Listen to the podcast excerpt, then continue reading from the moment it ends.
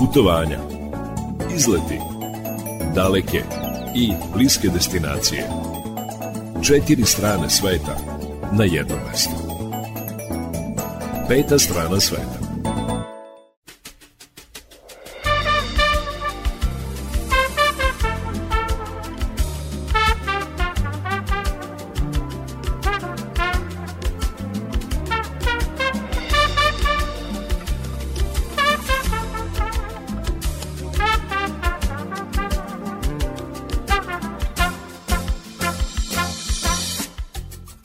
Dobar dan, poštovani slušalci, dobrodošli u najnovije izdanje turističkog magazina Peta strana sveta. Današnja emisija biće veoma sadržajna. Na početku ćemo imati servisne informacije, a kada to kažemo onda mislim na izveštaj iz Automoto Saveza Srbije i na meteorološki izveštaj, a potom slede one informativnije teme, tako obično počinje emisija, mi ćemo se baviti voucherima, stotinu hiljada vouchera podeljeno je građanima Srbije, koji su imali pravo na te vouchere, zaista oni najuporniji i najizdržljiviji koji su rano došli ispred pošta Srbije, oni su i uspeli da dođu do vouchera, a ostali nadaju se da će vlada Srbije opredeliti novi kontingent vouchera u narednom periodu. Govorit ćemo i o novim podsticajima vlade za razvoj domaćeg turizma. Naime, u planu je da 25.000 evra bude uloženo u svaki salaš u Vojvodini, naravno ne u svaki, nego samo u one salaše koji se bave seoskim turizmom, o tome ćemo takođe detaljnije u emisiji. Znate da već sada možete rezervisati aranžman za leto, govorit ćemo o tim ranim rezervacijama i za koje smo to destinacije zainteresovani ovoga leta a potom nešto za sladokusce, za turističke sladokusce. U rubrici Ljudi koji putuju, Monika Maširović, poznati indolog, ljubiteljka Indije, ona je trenutno u Indiji, ali je pre nekoliko dana održala promociju u Gradskoj biblioteci u Novom Sadu, govorila je o svoje voljenoj Indiji, ali i o Nepalu o zemlji koju je posetila prvi put e, krajem prošle godine, tako da ćete čuti e, njene iskustva i doživljaje iz te zemlje koja se graniči na severu sa Kinom, a na jugu sa Indijom. Posle te jedne male turističke razvodnice koju će nam upriličiti Monika, saznaćete kakvih novina u turističkom pogledu ima u Novom Sadu, tačnije na Petrovaradinu, Pa ako budete došli u Novi Sad i popnete se na Petrovaradinsku tvrđavu, obavezno obiđite Svemirski muzej, čućete e, kako izgleda postavka tog muzeja i koje je radno vreme njegovo. Pred kraj emisije govorit ćemo o gastroturizmu u Braničevu i Podunavlju i na samom kraju tu su i vesti iz sveta turizma. Do 18 časova, do kada traje turistički magazin Peta strana sveta, Sa vama će biti muzički urednik Srđan Nikolić, majstor tona Jovan Gajić, ja sam Irina Samopjan i volim da kažem na početku emisije neka ovo naše putovanje počne.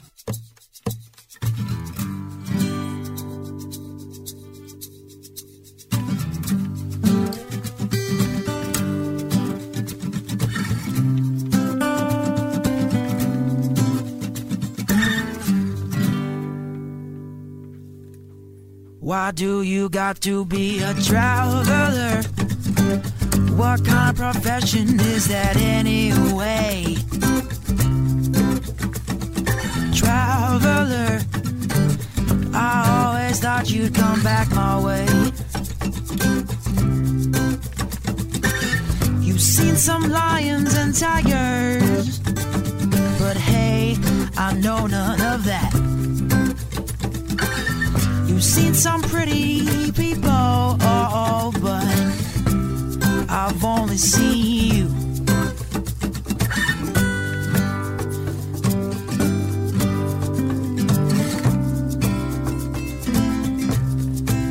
Because our, our story is unwritten cause you hopped on that train. And I, I'm sorry but I guess I'll have to tell you one day what I think, what I think. That I'm addicted to the way that you're moving, the way the wind just blows the hair by your hair. And I'm enchanted by the way that you're looking, and how I wish that I could be there. How I wish we could be something. How I wish we could be something. How I wish we could be, we could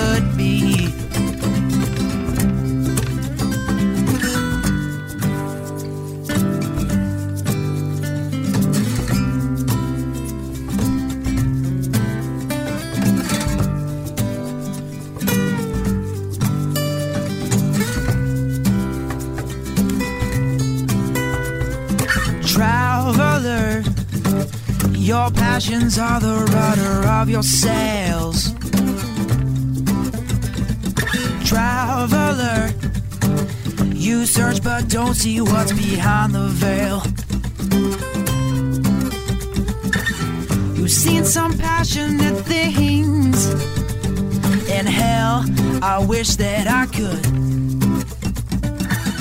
You've seen some lovely places, faces, but that's anywhere with you.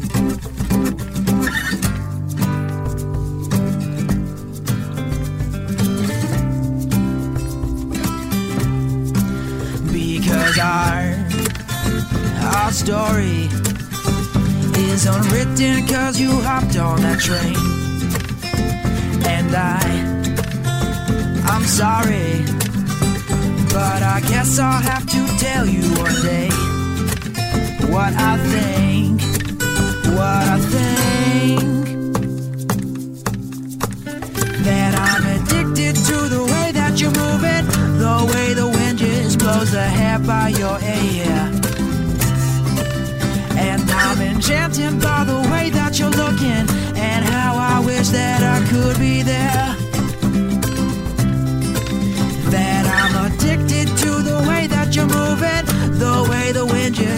The hair by your ear. And I'm enchanted by the way that you're looking, and how I wish that I could be there. How I wish we could be something. How I wish we could be something, something, something, something, something. How I wish we could be,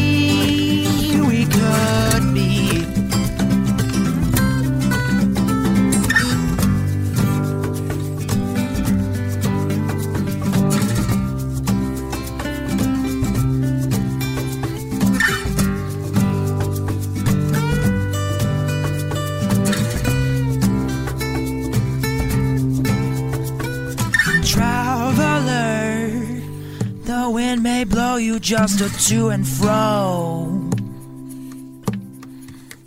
Traveler, it's up to you to to to where to go, where to go.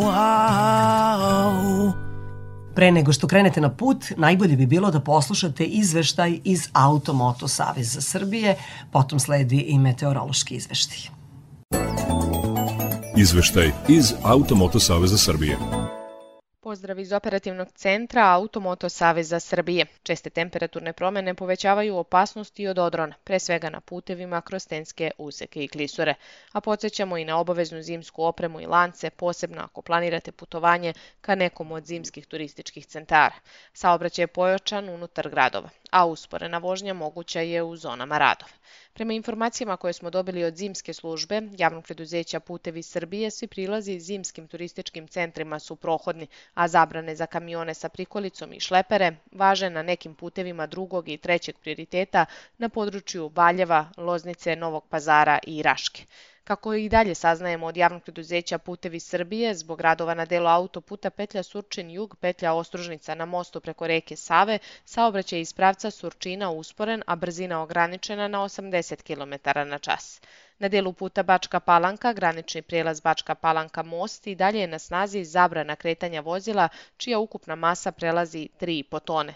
Izmenjen je režim saobraćaja na delu autoputa između petlje Kuzmin i petlje Batrovci u oba smera zbog radova na izgradnji budućeg autoputa Kuzmin-Sremska Rača. U zoni radova zatvorena je zaustavna traka uz suženje kolovoza i ograničenje brzine kretanja u dužini od oko 1300 metara, a produženo je izvođenje radova na deonici petlja Požarevac-Mihajlovac. Do 22. januara u vremenu od 8 do 18 časova svakog dana osim nedelje zatvoren je putni pravac od mesta Mihajlovca do skretanja za Smederevo, a do sredine marta izvodit će se radovi na ugradnji asfaltnih slojeva između Leskovca i mesta Bojnik i u zoni radova saobraćaj se odvija neizmeničnim propuštanjem vozila.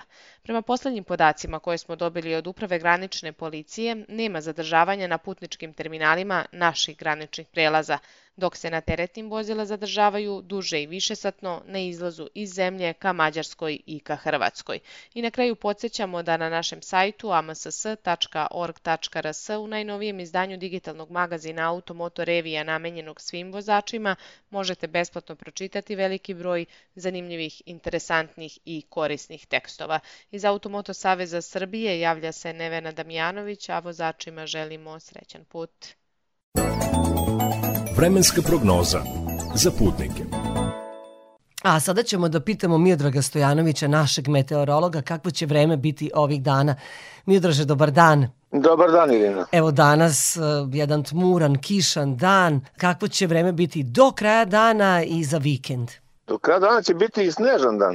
Mm -hmm. Znači, o, o, pada temperatura, od, od sinoć pada temperatura kiša prelazi u sneg i čak se očekuje da će se stvoriti i manji snežni pokrivač. Jel, znači E, neće po- to biti onaj sneg koji se topi pri tlu, već će se A zadržati. malo snega će biti još.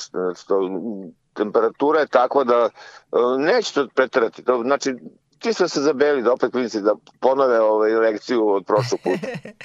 I onda sutra kakvog vreme će biti? Sutra hladno, čak i mraz ujutru i tokom dana uglavnom sunčano uz slabi umeren severozapadni vetar, temperatura sutra od minus 3 do plus 3 i slično vreme i, i u nedelju.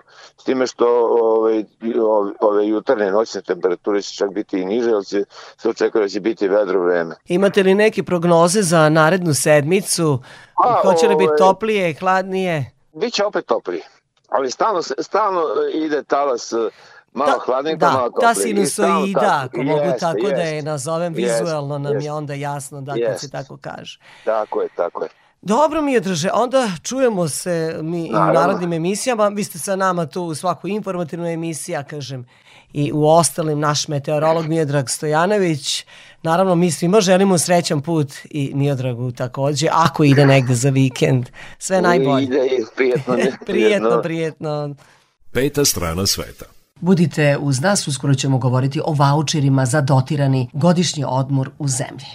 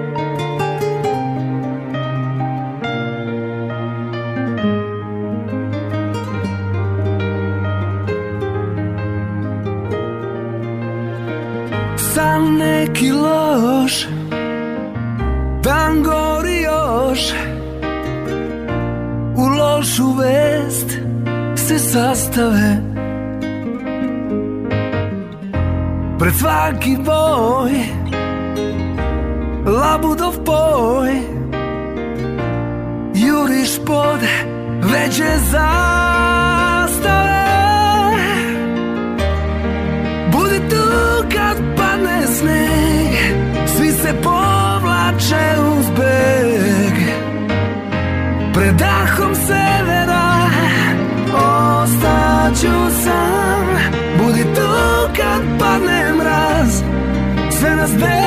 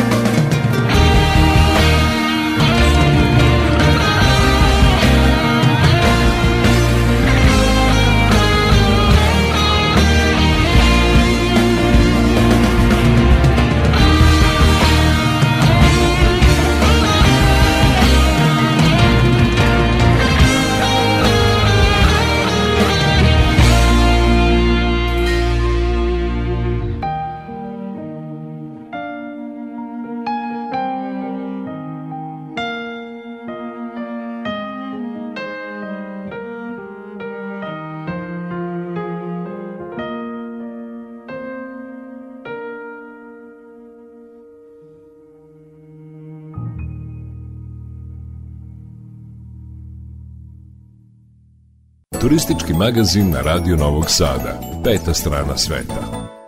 Prva ovogodišnja kvota od 100.000 vaučera za subvencionisanje odmor u zemlji podeljena je za samo dva sata. Sudeći po anketi, najviše strpljenja u redovima u poštama Srbije imali su najstariji sugrađani. Pa ja sam došao u 7.20, a gospođa jedna došla u pola šest. Bila sam i privatno, a sada sam u hotelu. Idem u Vrnjačku banju, bit će mi ovaj treći put. Dobro mi je bilo, da, i na dobrom sam mjestu i tako. Turistički vaučeri, čija je vrednost ove godine 10.000 dinara, bukvalno su razgrabljeni. Direktor Pošte Srbije Aleksandar Đorđević kaže da su zbog velikog interesovanja mnogi ostali bez vaučera.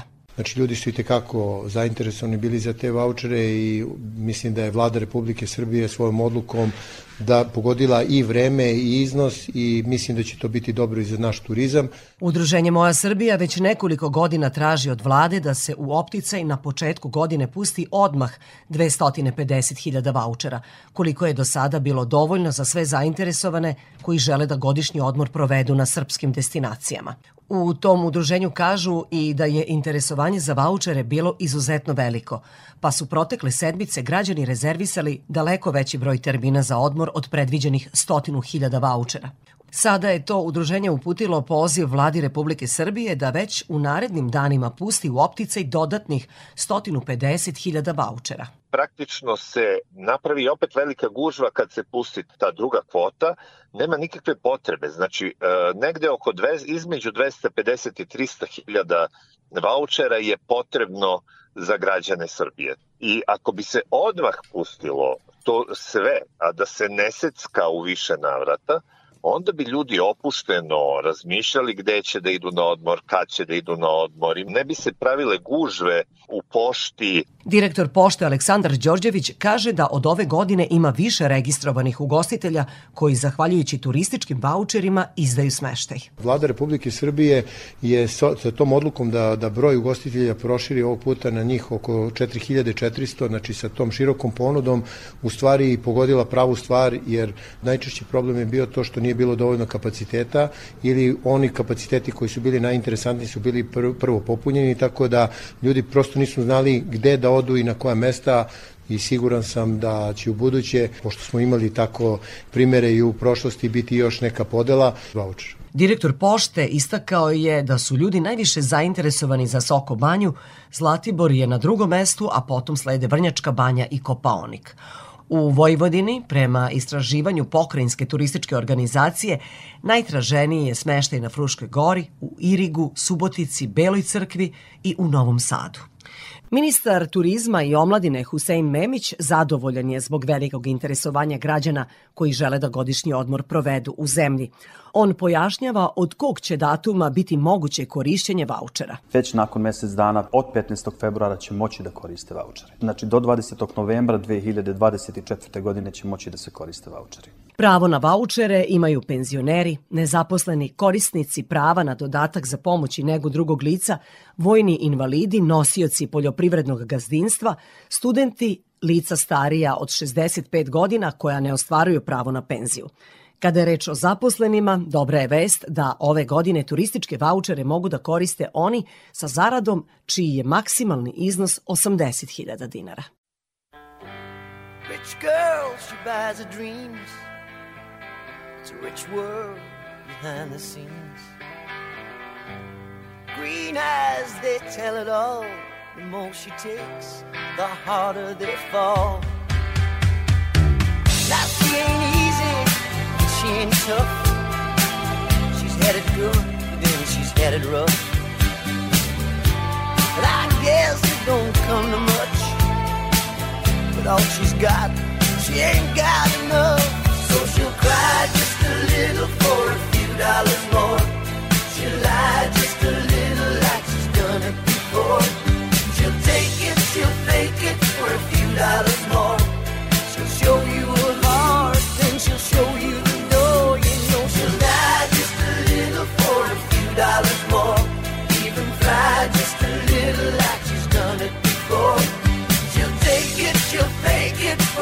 dollar.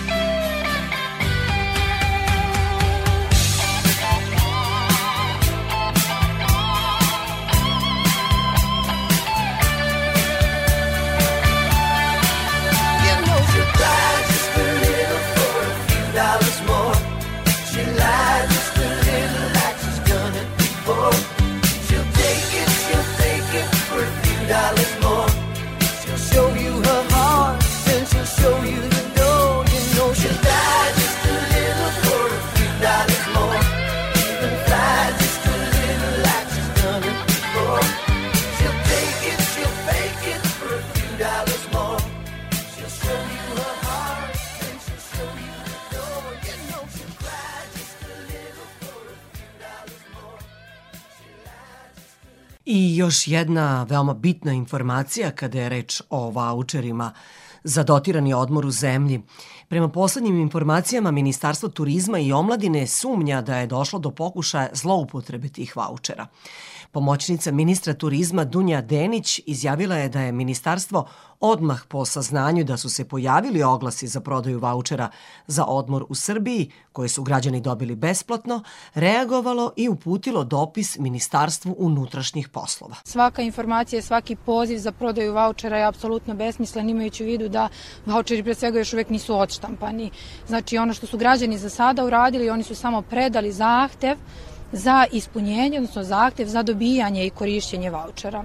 Tek po proveravanju datih informacija, odnosno zadovoljavanju neophodnih uslova se kreće u proceduru štampanja vouchera. Voucheri se dostavljaju na kućnu adresu svakog korisnika koji je za to i ostvario prava. Ono što moram takođe da dodam jeste da je svaki voucher apsolutno personalizovan. Kada to kažem, mislim pre svega da se na svakom voucheru nalazi ime i prezime korisnika, njegov matični broj, nalazi se naziv ugostiteljskog objekta gde je izvršena rezervacija, a po korišćenju e, vouchera svakako je u obavezi da dati voucher potpiše i korisnik, odnosno gost i taj ugostitelj. Tako da e, poziv za preprodaju jednih personalizovanih vouchera svakako su apsolutno besmisleni i svako ko to čini, odnosno onaj ko poziva na e, takozvanu prodaju, zaista rizikuje da snosi određenu e, krivičnu odgovornost imajući u vidu da zaista može da se radi i o određenoj vrsti zloupotrebe. Ukoliko ugostitelj primi donosioca vouchera, čije se ime i podaci ne nalaze na tom voucheru, takođe snosi krivicu licu,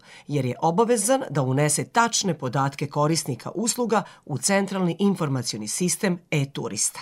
Dodaje pomoćnica ministra turizma Dunja Denić. Radio Novi Sad. Ostanite uz nas, uskoro ćemo govoriti o ulaganju u seoski turizam, tačnije o ulaganju države u vojvođanske salaše.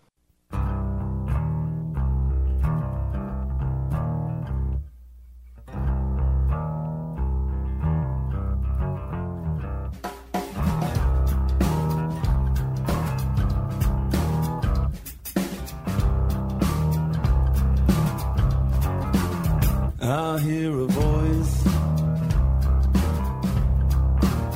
from the back of the room. I hear a voice cry out, You want something good? Well, come on a little closer, let me see your face. Yeah, come on a little closer by the front of the stage say, come on a little closer, I got something to say. Yeah, come on a little closer, I wanna see your face. You see, I met a devil named Buena Buena. And since I met the devil, I've been the same, oh no. And I feel alright now, I have to tell you. I think it's time for me to finally introduce you to the Buena Buena Buena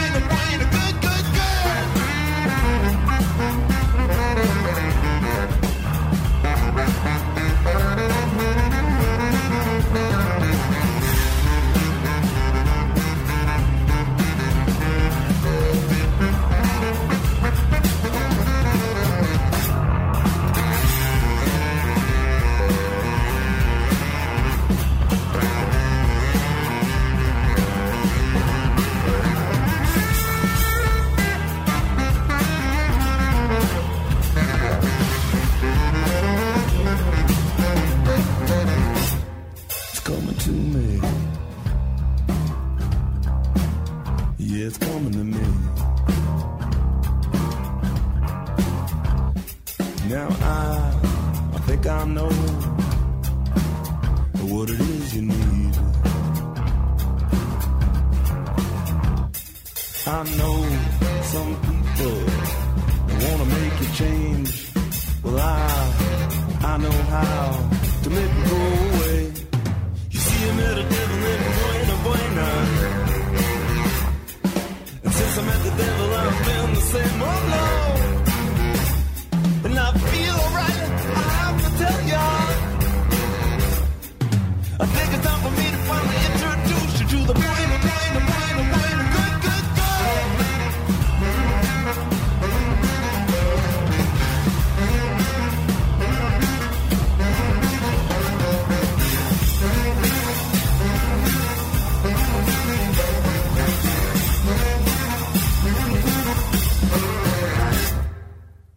Najava predsednika Srbije Aleksandra Vučića da će svaki salaš u Vojvodini koji se bavi seoskim turizmom dobiti 25.000 evra na poklon, s tim da vlasnici ulože svojih 2.500 evra, obradovala je te preduzetnike u turističkoj privredi.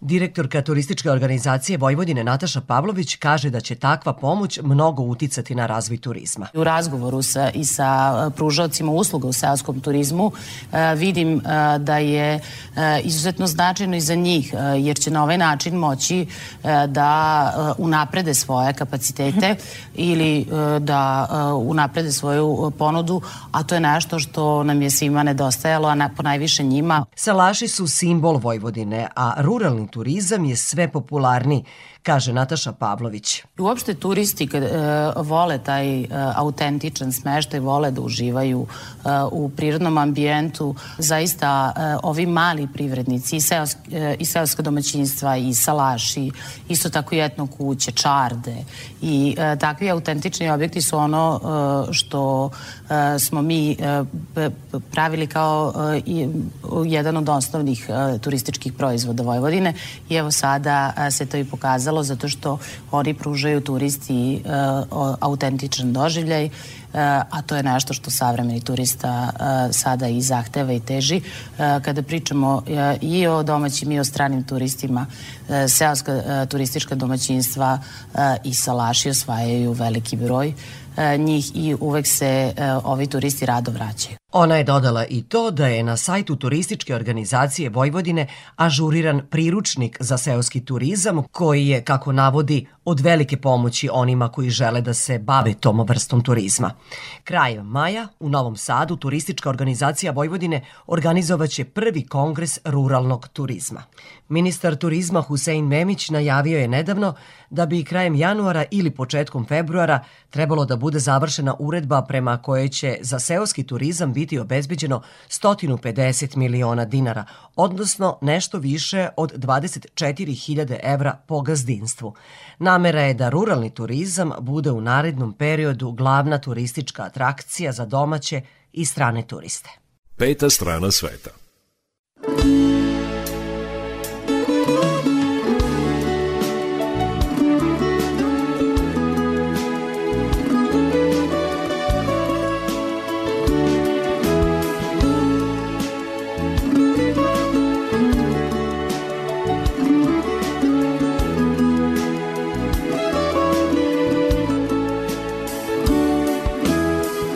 Zavejan je put za salaš moj Prođe maj i nesta ptica boj. Vratiti se neću moći Ne mogu tom stazom proći. Zavejan je put za salaš moj Vratiti se neću moći ne mogu tom stazom proći, zavejan je put za salaš moj.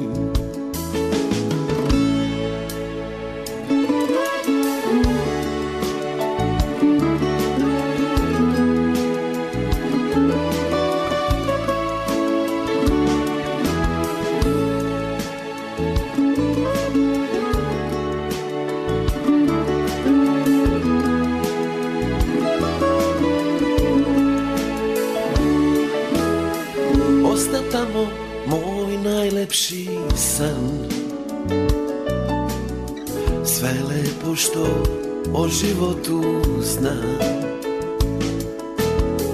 Podsjetim se svake noći Ali nazad neću moći. Zavejan je put za salaš moj. Podsjetim se svake noći ali nazad neću moći. Zavejan je put za salaš moj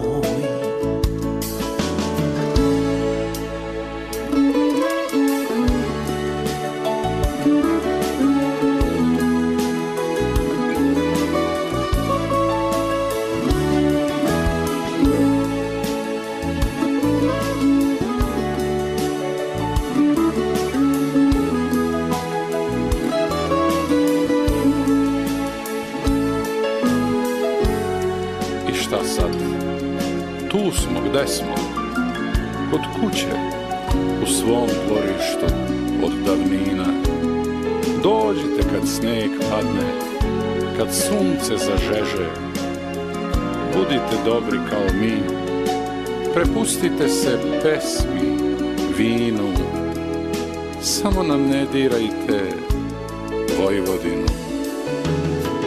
Nema više ni tog lepog sna,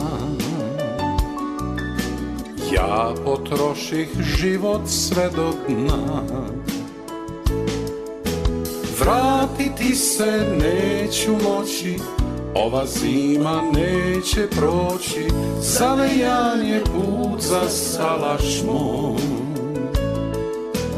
Vratiti se neću moći, ova zima neće proći, zavejan je put za salaš moj. Zavejan je put za salaš moj. Zavejan je put za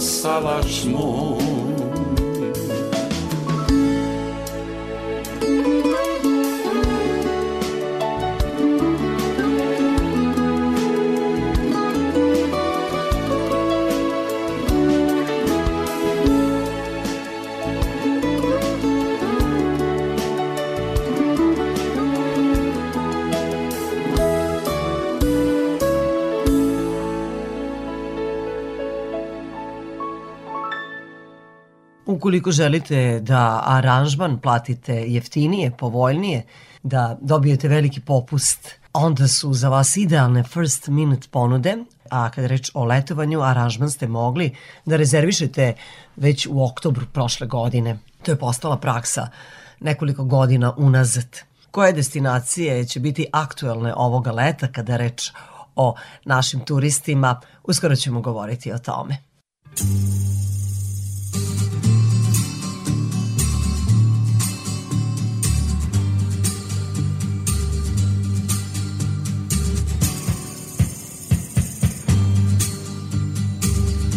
Tu mi fai girare, tu mi fai girare come fossi una bambola.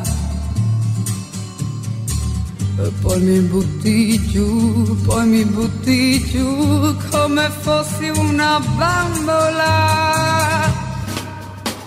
Non ti accorgi quando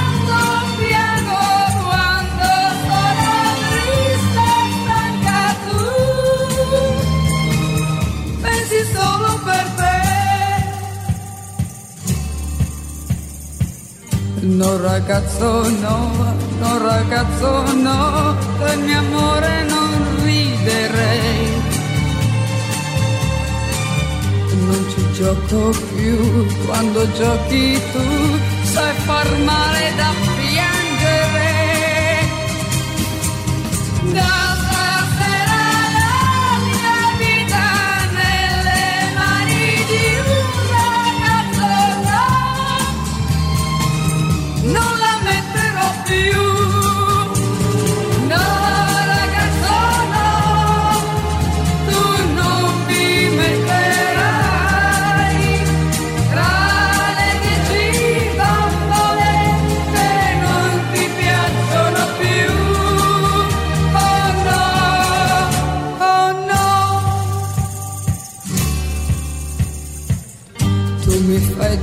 girare, tu mi fai girare come fossi una bambola. Poi mi butti giù, poi mi butti giù come fossi una bambola. Non ti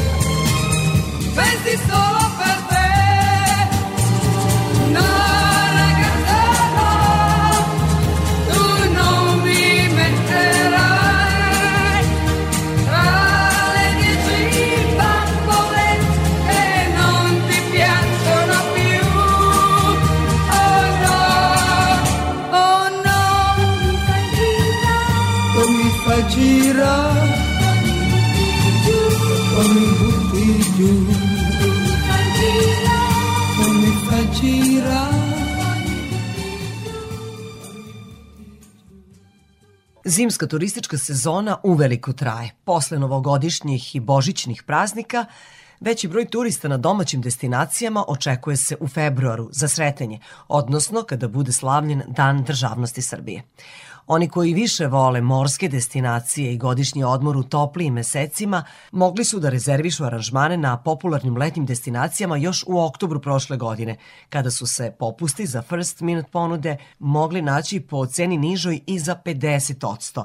To saznajemo od direktora Nacionalne asocijacije turističkih agencija Aleksandra Seničića kako ulazimo polako što bliže sezone, ti popusti naravno padaju, ali još uvek negde tamo do sajma turizma u Beogradu koji je u zadnjoj nedelji februara meseca, u stvari ti popusti su jako značajni. Veliki broj ljudi to prepoznaje, pogotovo što su cene e, skočile u odnosu na prošlu godinu. Naravno, globalna inflacija, problemi sa ratovima, na raznim destinacijama su uslovile i pre svega poskupljenje goriva, onda to znamo da vuče i sve ostale troškove koji su bitni za, za realizaciju.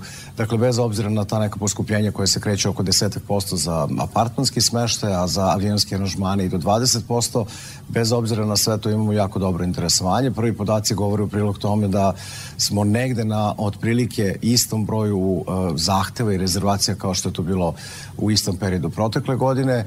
Očekujemo da se taj trend malo poveća. Ja verujem da tako široka ponuda koju su agencije ponudile očigledno ima uh, dobro uporište u samom tržištu. Prema njegovim rečima, Grčka je i ove godine, kao i prethodnih desetak godina, za naše turiste najtraženija i najomiljenija letnja destinacija. Prošle godine smo imali nešto malo više, čak od milion turista koji je boravilo u Grčkoj, tako će to biti i ove godine. E, Turska je naravno takođe jako zanimljiva destinacija za porodice, pogotovo oni all inclusive čuveni hoteli gde zaista za neki pristojan novac možete da se lepo provedete. Egipat i Tunis, Tunis kao destinacija koja je bila hit prošlog leta ove godine u još većoj ponudi sa još više čarter letova, Italija, Španija, dakle to su destinacije koje su nam jako zanimljive kad je reč o čarter prevozu, redovnim linijama, znamo da Air Srbija ima zaista veliki broj sad i redovnih linija, pa je mnogo lakše to sve organizovati. U našem neposrednom okruženju, naravno Crna Gora je destinacija na kojoj boravi najveći broj turista, međutim i Hrvatska i Albanija, Bugarska, to su sve destinacije koje su nam vrlo značajne kad je reč o, o letnjoj sezoni. Prodaja ide dosta dobro, najveći popusti su trenutno za hotele u Grčkoj, u Turskoj, počeli su popusti i za Tunis i Egipat. Onima koji planiraju putovanja, direktor Jute Aleksandar Seničić savetuje da je zbog aktuelnih popusta sada pravi trenutak da uplate željene aranžmane za predstojeće leto. Međutim, ona naglašava da rane uplate imaju i mana, te da putnici svoj aranžman treba da osiguraju polisom od otkaza putovanja. Dugačko je 6, 7, 8 meseci do polaska na more, može svašta da se desi. Predlog je uvek da se raspitaju putnici u agencijama za takozvanu polisu od otkaza putovanja, koja će omogućiti da u slučaju bolesti nekoga iz porodice, nekih nepredviđenih okolnosti, možete u stvari da povratite svoj novac, jer hoteli kada daju ovako velike popuste, onda ne dozvoljavaju bilo kakve promene da bi što pre došli do novca, zato i omogućavaju tako velike popuste. Dakle, na nama je kao putnicima da se štitimo od toga, to nije posao turističkih agencija, dakle, zato postoje osiguravajuće kuće i to je savet svima da kada uplate aranžman se raspitaju za tu polisu, ono se kreće negde između 1 i 2% ukupne cene vrednosti aranžmana, ali zaista to vredi kao što smo pričali o onom putnom osiguranju koje je neophodno da imate da biste sprečili neprijatnosti velikih troškova koji mogu da nastanu kod putovanja. Peta strana sveta.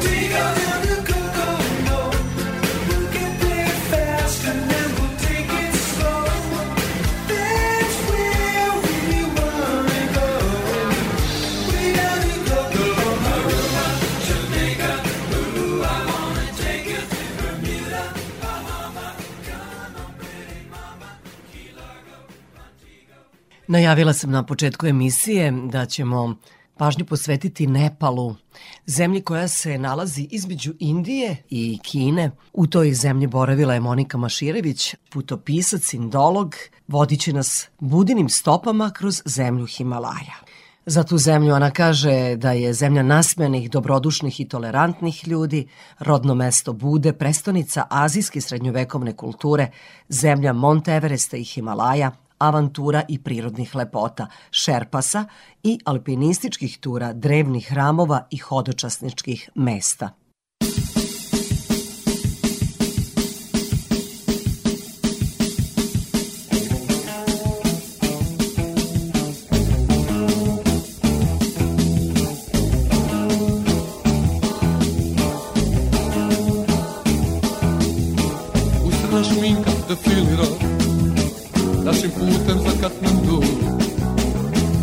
Ćemo tamna jedra na vjetru ko nekad.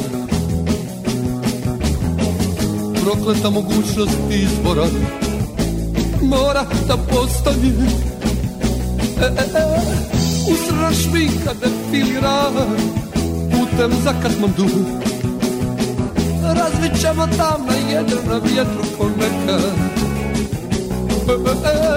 Usrana šminka defilira Putem za Katmandu Prokleta mogućnost izbora mora da postoji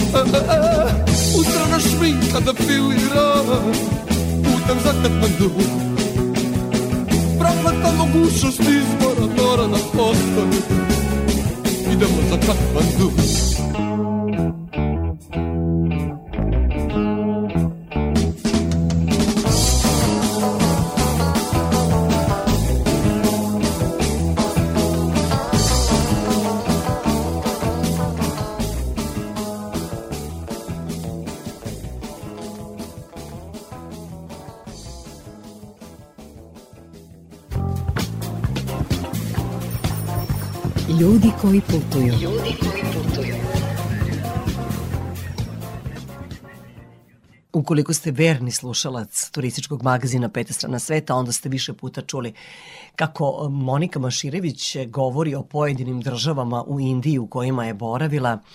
Do sada je već bila 12 puta u Indiji.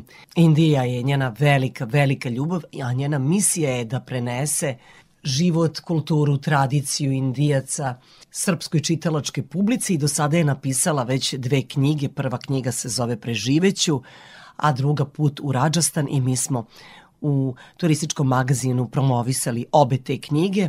U nastajanju je i njena treća knjiga koja treba da bude objavljena na proleće. Biće nazvana Namaste Indio. Prošle sedmice bila sam na novom putopisno dokumentarnom predavanju Monike Maširević. To predavanje je ona nazvala Dodaj svetu malo boje, Indija i Nepal sa Monikom. I zaista bilo je fantastično, koloritno, kao i obično na Monikinim predavanjima. Falila je stolica više, s obzirom na to da je predavanje održano u Novosadskoj narodnoj biblioteci gde je Monika do samo pre nekoliko meseci i radila, našla se i ta stolica više jer je ona u toj kući ostala upamćena kao vredna, požrtvovana radnica i jedna od najomiljenijih koleginica. U ovom izdanju Pete strane sveta Monika će govoriti o Nepalu. Prvi put je boravila u toj zemlji. Postala je turistički vodič pa je malu grupu turista vodila iz Indije u Nepal. Kada god sretne Moniku, uvek čujem kakvih novina ima u njenom životu i imam utisak da je sve hrabrija i hrabrija Mnoga vrata se pred njom otvaraju, a ona ne propušta ni jednu priliku. Neka se ovoga puta ona sama predstavi. Ja sam postala nomad, to mi je pored fotograf, putopisac, eh, indolog, bibliotekar i tako dalje, postala sam nomad i zaista sam prihvatila tu vrstu života da živim od danas do sutra, svima vama koji pratite moj rad verovatno delo je zanimljivo, a Monika bila tamo fotografisala sve šareno, koloritno, međutim to je na neki način život od danas do sutra, e, zaista treba napraviti jako veliki iskorak u svojoj zoni komfora i odvažiti se da odete na tako daleki put.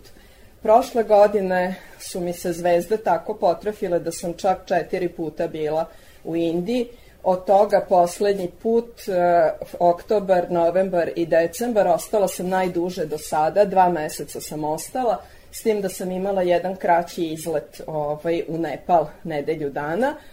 I evo, vraćam se utorak i startujem dalje, ne znam šta ću raditi kad izađem iz aviona u Deliju na aerodromu, znači počinje moja nova nomadska priča koja je adrenalinska, možda će biti dobra za neku novu knjigu.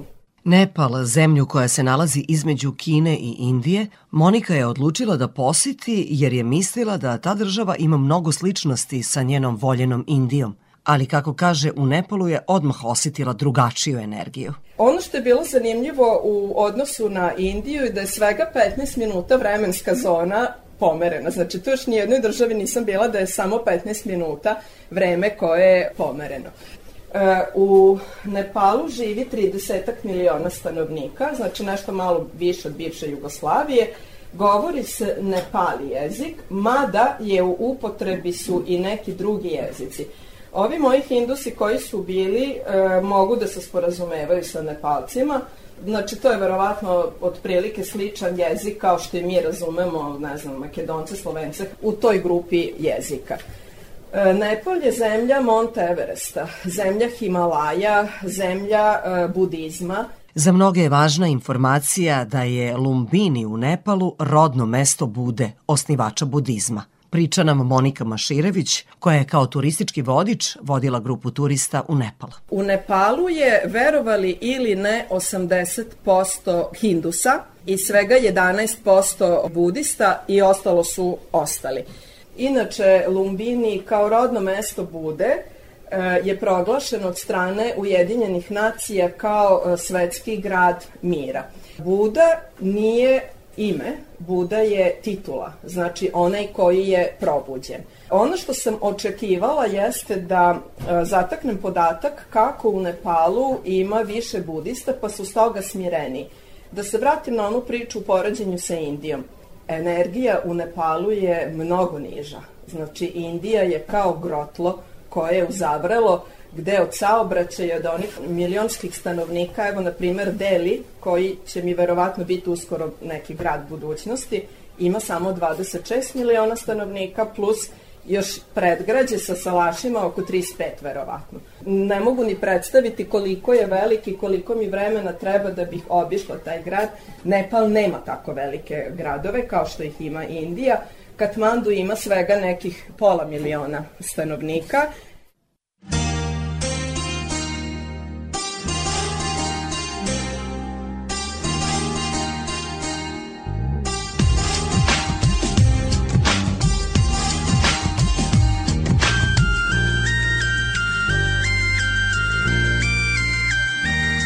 चौबन्दीमा पटुकी बाँध्या छैन भन्दैमा। पखेरीमा घाँस काट्न जाने छैन भन्दैमा।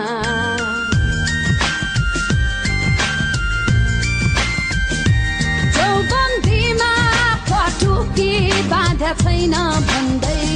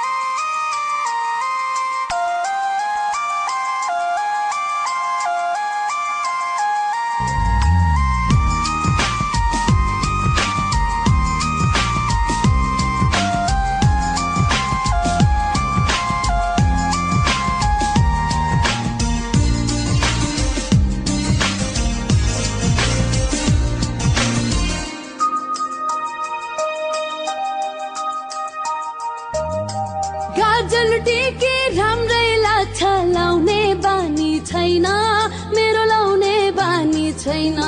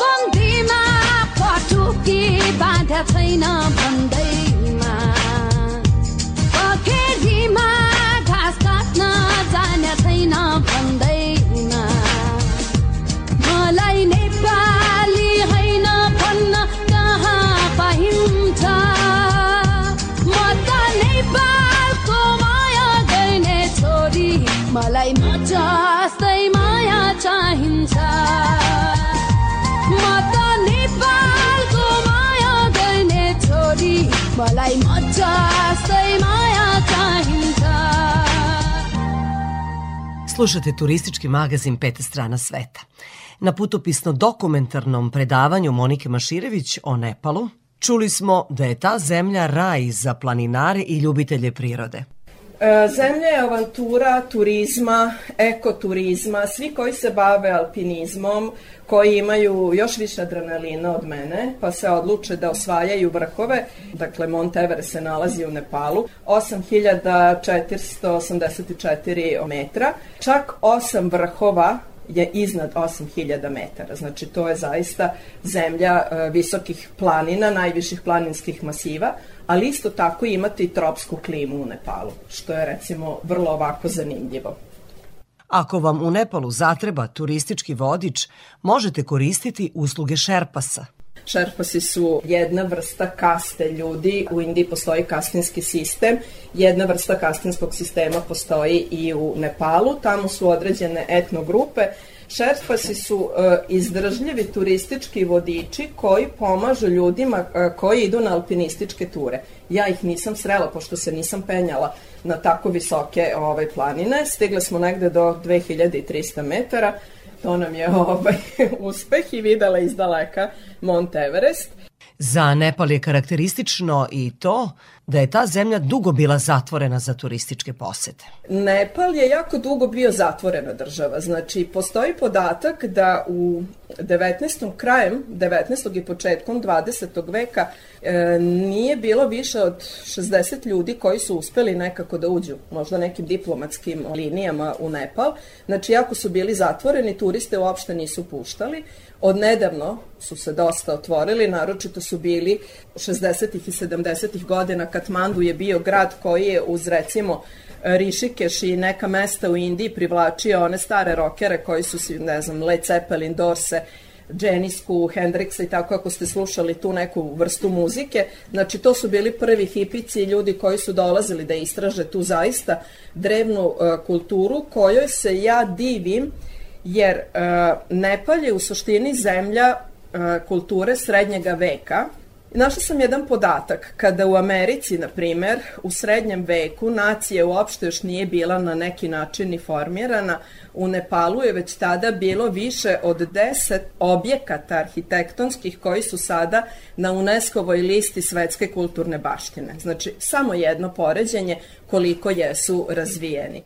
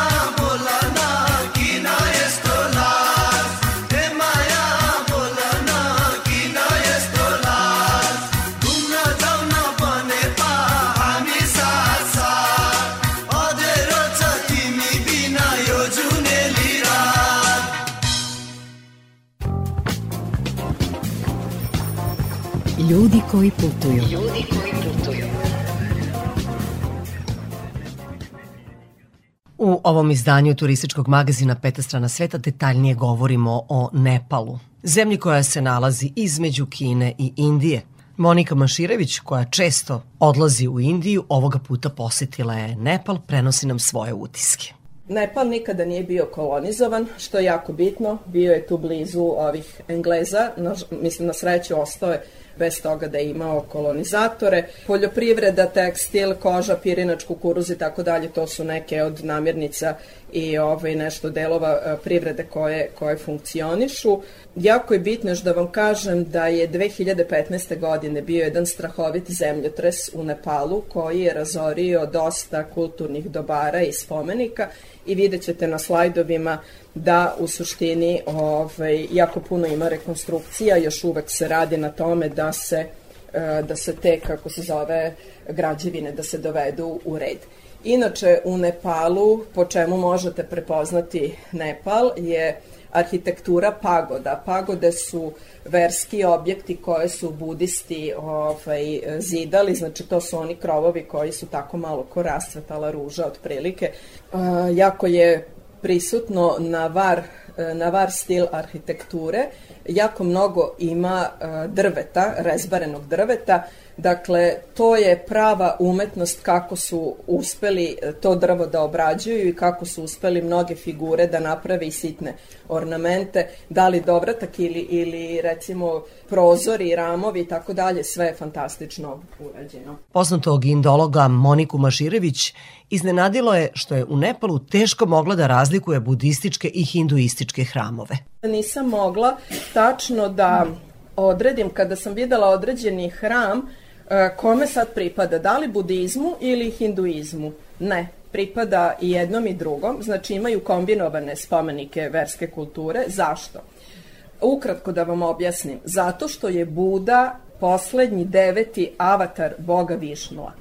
E, ako ste proučavali hinduizam i čuli ste sigurno za pojam avatara, Ja sam čitavo jedno poglavlje u ovoj moje knjizi Put u Rajasthan posvetila i hinduizmu, osim toga što sam pisala o Rajasthanu i o državama, o ovih gradovima kroz koje sam prošla. U e, hinduističkoj filozofiji postoje avatari, to su inkarnacije svevišnje božanske ličnosti koje u određenom trenutku kada se zlo nagomila na zemlji, silaze u različitim oblicima, da li obliku neke životinje ili čoveka, da uspostave mir – da uspostave red i bude jedan od tih avatara koji je sišao. Tako da su u suštini koreni budizma vezani za hinduizam. U drugom delu predavanja gledali smo Monikine fotografije i slušali još mnogo utisaka koje ona doživela u Nepalu. Iz te zemlje ona se vratila u svoju voljenu Indiju, a Nepalce će, kako kaže, pamtiti kao dostojanstvene, dobroćudne, nasmejane i miroljubive ljude prijatne naravi.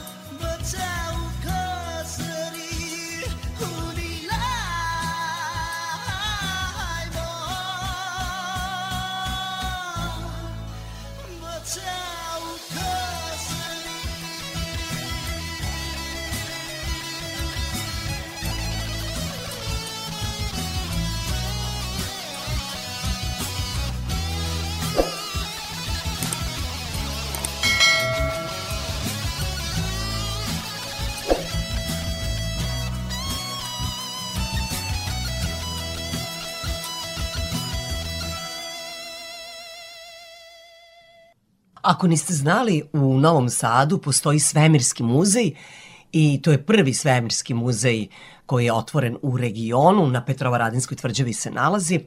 Budite uz nas, uskoro ćete čuti kakva je postavka u tom muzeju.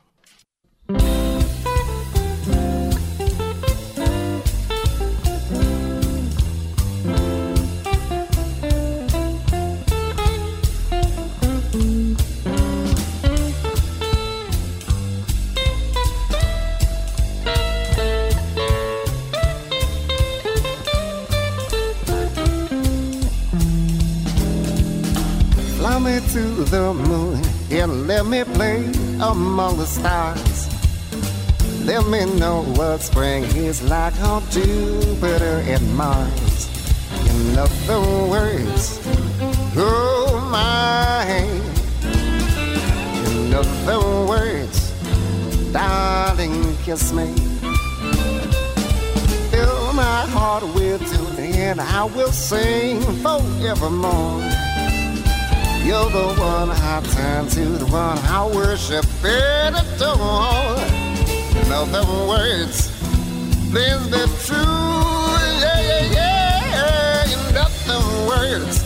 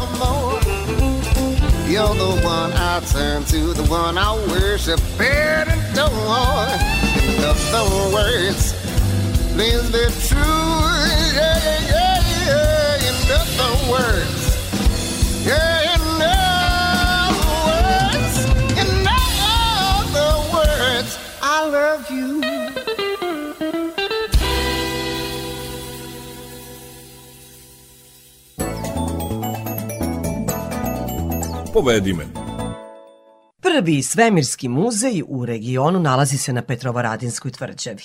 Taj jedinstveni muzej otvoren je zahvaljujući Komitetu za razvoj svemirskog programa. Član tog komiteta je Mihajlo Eror. On nam je opisao kako izgleda muzejska postavka. E, Postoje dve vrste sadržaja u našem muzeju. Neke opšte stvari o svemiru, to su u pitanju demonstracije za gravitacijone talase, razni teleskopi i planetarijum. Dok je e, drugi deo mnogo e, važniji nama, to je deo koji je bitan za istoriju naših organizacija, Astronomskog društva Novi Sad i Komiteta za razvoj, svemirskog programa. Neke od bitnijih stvari koje imamo izložene su rakete, imamo indijsku raketu, takođe imamo i satelite. Ono što je isto bitno izloženo imamo i Kenset, to je e, jedna vrsta satelita koje prave studenti i oni se takmiče e, u pravljenju tih satelita.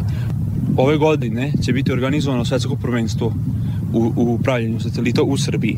U ljudi uglavnom očekuju nešto high-tech, a mi smo napravili spoj rustičnog i spoj novog i to je neki skroz drugačiji doživljaj. Na redkim mestima se može nešto ovako doživeti. Predstavnica Astronomskog društva Novi Sad Jelena Minić objasnila je koji sadržaji u muzeju su namenjeni deci, a koji odraslima. Pa u suštini sav naš sadržaj je veoma prilagodljiv i deci, s obzirom da naši kustosi mogu e, sve što ljudi mogu da vide od eksponata u e, muzeju da prilagode i najmlađim posetiocima na najosnovnijem nivou, dok jel te isto tako mogu da prilagode isti taj sadržaj i ljudima koji su recimo već i upućeni u priču, imaju neko predznanje, u neku dublju priču da ih uvedu iza, iza svega toga i u neku fiziku i u tehnologiju i šta sve stoji iza, iza svakog prikazanog eksponata. Koja pitanja najčešće postavljaju posetioci kada dođu u Svemirski muzej? I to smo doznali od Jelene Minić. Ima tu par pitanja koja su prisutna u bilo kom uh, dobu, što se kaže, bez obzira da li su najmanji, najmlađi posetioci ili su stariji ljudi. Neka od njih su da li ima života u svemiru, um, da li znamo šta se dešava sa informacijama kad upadnu u crnu rupu, da li bele rupe postoje, šta je sa crvotočinama. To je manje više to da se nalazi, ta pitanja dobijamo od svih mogućih, što se kaže, uzrasta. A sad koliko su ljudi upućeni sa materijom, pa to je zaista širok spektar. Dakle, imamo ljudi koji dolaze što se kažu uh, bez uh, ikakvog predznanja, samo sa čistom znatiželjom šta je tu i onda tek kad vide šta mogu, uh, šta se nalazi u muzeju, onda ih nešto zaintrigira, dobiju neka pitanja i možda se tek dalje ovaj, voljeli bismo da je tako ih zain, zainteresujemo da se dub, dublje upuste u istraživanje tih stvari. Dok imamo i ljude koji dolaze Oni su već i upoznati sa materijom, studenti ovakvih stvari, recimo studenti astronomije, informatike, inženjerstva, pa opet, jel te, interesuje ih šta se zapravo nalazi, a da im je već poznato, sa njima se upuštamo u neku dublju priču, kao što sam rekla, prilagodljivo je. Kada je reč o planovima, Svemirski muzej u Novom Sadu imaće prostorije na još jednoj lokaciji. Druga lokacija će se nalaziti takođe ovde na Tvrđavi, malo niže, ovaj, tamo gde se trenutno nalazi klub Tunel. Uh, biće će čitav prostor, prostor će biti pretvoren kao da ljudi ulaze u unutrašnje svemirskog broda. Imaće priliku da vide vožnju kroz svemir, dosta VR projekcija. Takođe imaće priliku da vide kao prozorčići kroz svemirski brod pa na različite planete. Tako da će sve biti onako high-tech audiovizualni deo. Svemirski muzej na Petrovaradinskoj tvrđavi otvoren je za individualne posete petkom od 13 do 17 časova, a vikendom od 10 do 18. Radni dani rezervisani su za organizovane posete vrtića i škola. Peta strana sveta.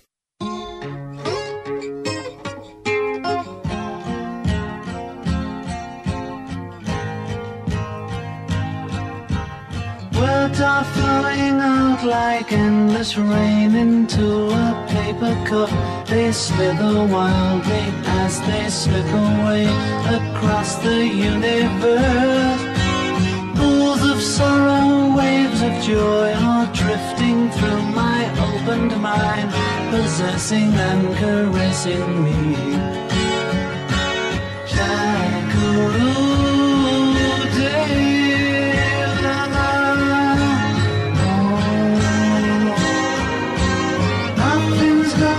change my world. Nothing's gonna change my world. Nothing's gonna change my world. Nothing's gonna change my world. Images of broken light which dance before me like a million eyes. They call me on and across the universe. Floats me under like a restless wind inside a letterbox. They tumble blindly as they make their way across the universe. Jackaroo David. Nothing's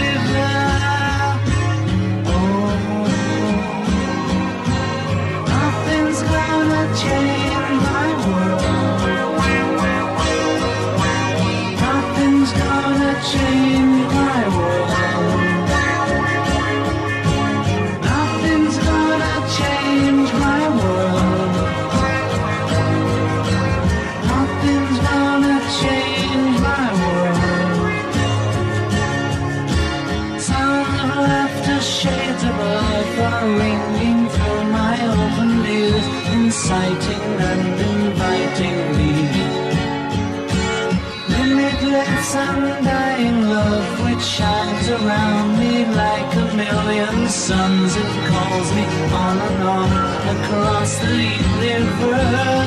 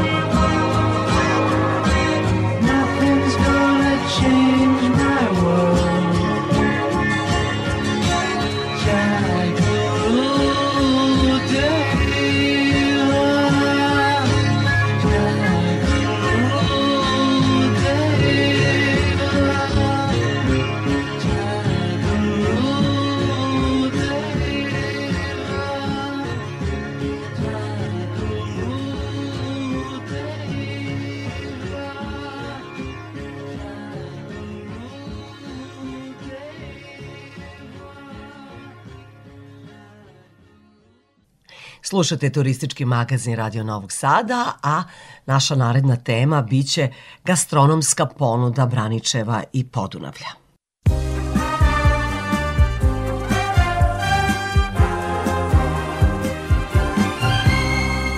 Comme un enfant aux yeux de lumière qui voit passer au loin les oiseaux, comme l'oiseau bleu survolant la terre, comme le monde, le monde est beau. Beau le bateau dansant sur les vagues, ivre de vie, d'amour et de vent. Belle la chanson naissante des vagues, abandonnée au sable blanc.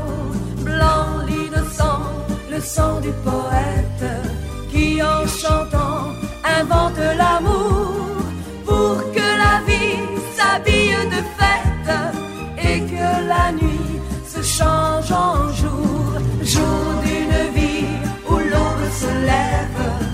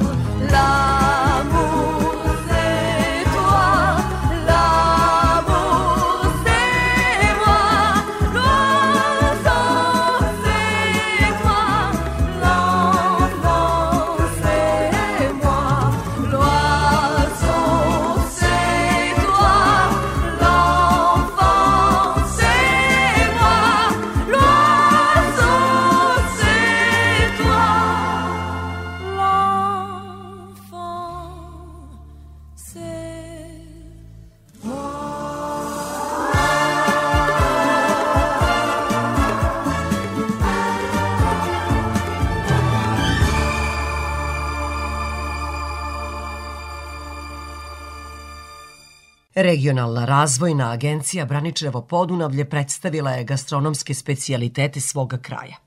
U turističkoj organizaciji Vojvodine, gde je održana prezentacija, bio je naš Marko Brajković.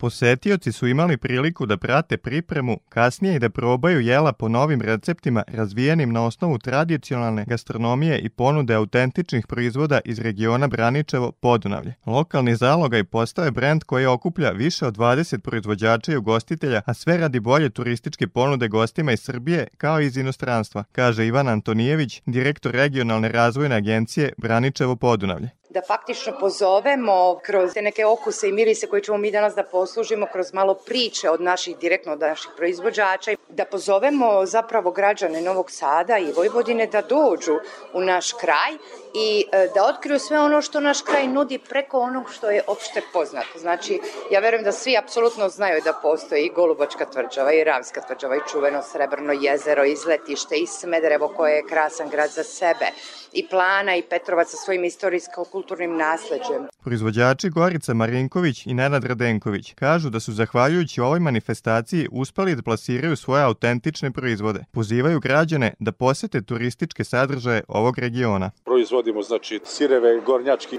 novo u proizvod, nov proizvod je gornjačka mozzarella i najnoviji proizvod crna mozzarella, gornjačka crna mozzarella koja je jedinstvena na srpskom tržištu. E, tako da ja mogu da kažem sa ponosom da moja Bistrica postaje jako popularna tu, turistička destinacija, jer imamo zapravo tih devet vodenica, od kojih osam rade, u funkciji su. Događaj je organizovala Regionalna razvojna agencija Braničevo i Podunavlje u saradnji sa turističkom organizacijom Vojvodine. Peta strana sveta.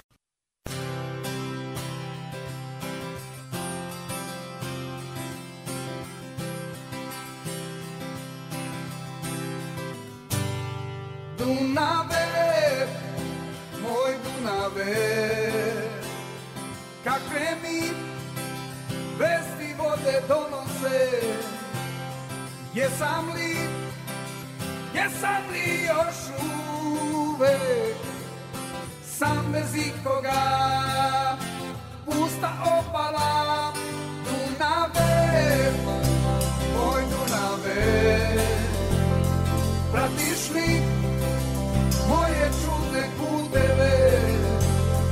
Tu gde ja gledam ja tog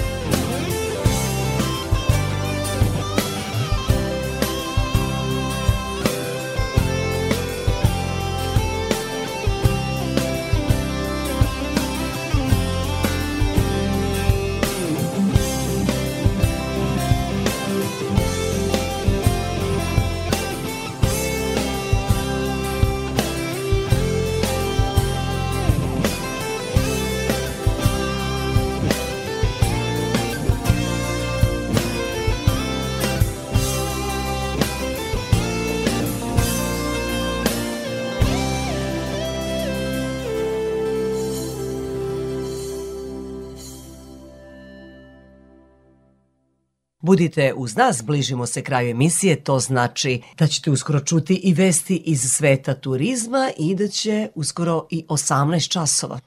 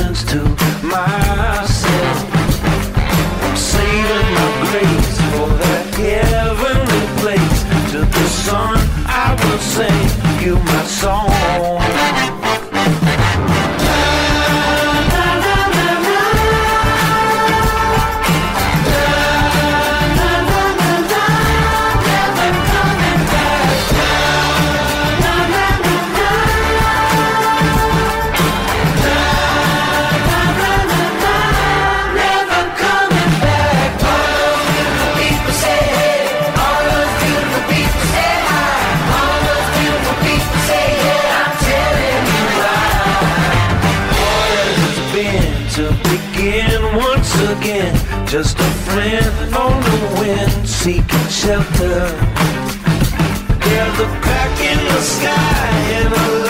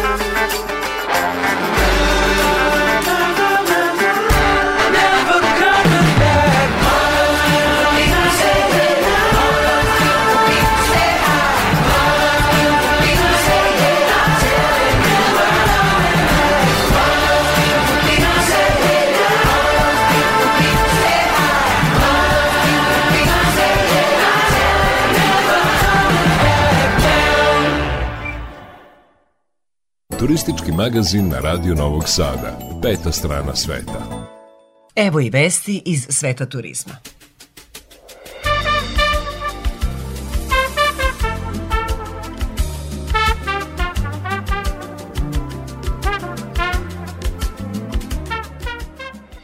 Ministarstvo turizma i omladine raspisalo je konkurs za dodelu kredita za podsticanje kvaliteta turističke ponude, a pravo da dobiju kredit imaju privredna društva i preduzetnici registrovani za obavljanje delatnosti u oblasti turizma, kao i poljoprivredna gazdinstva upisana u registar poljoprivrednih gazdinstava.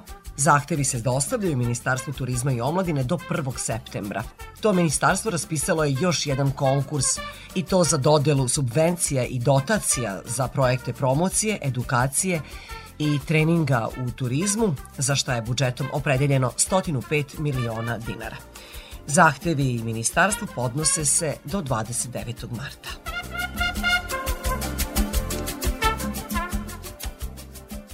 Na sajtu pijace.com u konkurenciji 55 manifestacija u Srbiji Kobasicijada u Turi osvojila je prvo mesto. Ta manifestacija će biti održana od 23. do 25. februara, a pre toga biće promovisana u većim gradovima Vojvodine. Saznali smo da će promocija u Novom Sadu biti 16. februara.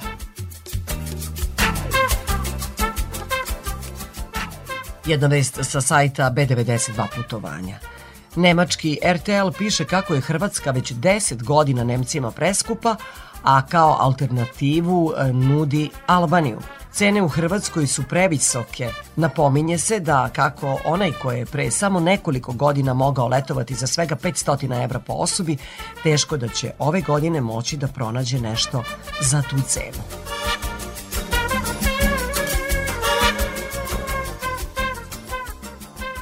Dubaj je treću godinu zaredom proglašen za najpopularniju destinaciju a pobednik je izabran na osnovu jednogodišnjih ocena i recenzija na sajtu TripAdvisora. Na drugom mestu je Bali, dok je na trećem London, o tome pišu novosti. Dobitnici TripAdvisor Traveler's Choice-a, nagrada za ovu godinu, identifikovani su na osnovu kvaliteta i kvantiteta recenzija i ocena putnika za smeštaj, restorane i aktivnosti na destinacijama širom sveta. Dubaj, najveći i najgušće naseljeni grad u Ujedinjenim Arapskim Emiratima, poneo je titulu pobednika u kategoriji najpopularnije destinacije. U njemu je sve izuzetno, spektakularno, od ultramoderne Burj Khalife do tržnih centara prepunih zlata i nakita. To je mesto gde sve što sanjate možete da uradite. Bilo da je to skijanje u zatvorenom prostoru, surfovanje po dinama u pustinji ili zip line iznad grada ističu u TripAdvisoru.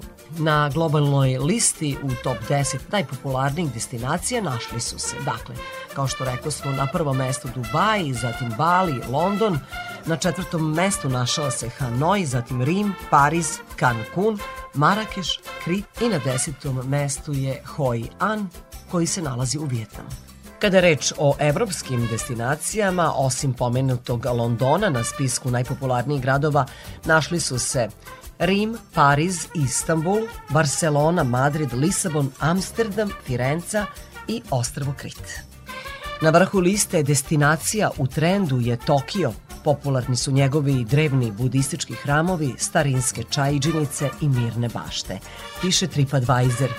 U toj kategoriji glavni grad Japana slede Seul u Južnoj Koreji i zaliv Halong u Vijetnamu, piše Daily Mail. Katmandu je odneo titulu najbolje od najboljih destinacija u prirodi, dok je Rim pobednik u kategoriji najbolja od najboljih destinacija za hranu.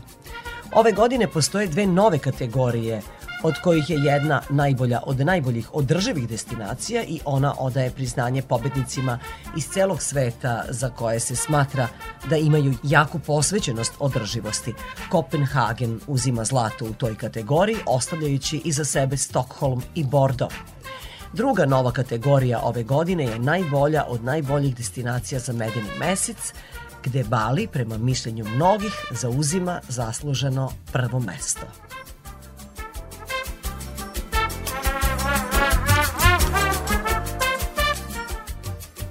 Su destinacije idealne ukoliko želite da prođete jeftinije? To sam pronašla na sajtu B92. Kada se saberu svi troškovi koji su potrebni za odlazak na odmor, većina ljudi daje prednost mestima koja koštaju manje, ali imaju dobru turističku ponudu. Turistički časopis Condé Nast Traveler pronašao je zemlje koje vredi posetiti i koje nisu među najskupljima. U tom časopisu navedena je 21 država, a među njima i Srbija, kao i zemlje iz okruženja Mađarska, Makedonija i Albanija. Ovo je cela lista. Dakle, ovo su zemlje koje časopis Condé Nast Traveler preporučuje da posetite u 2024. godini.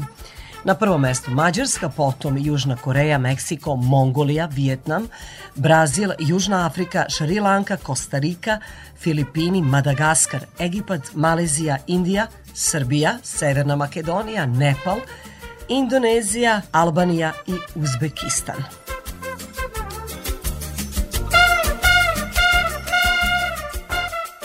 I bilo je to sve poštovni slušalci što smo vam pripremili u ovom izdanju turističkog magazina Peta strana sveta. U 18 časova su naše najnovije vesti, a potom i naša najstarija muzička emisija Randevu sa muzikom. Do narednog petka pozdravljaju vas muzički urednik Srđan Nikolić, majstor tona Jovan Gajić, ja sam Irina Samopjan i želim vam srećan put. Él se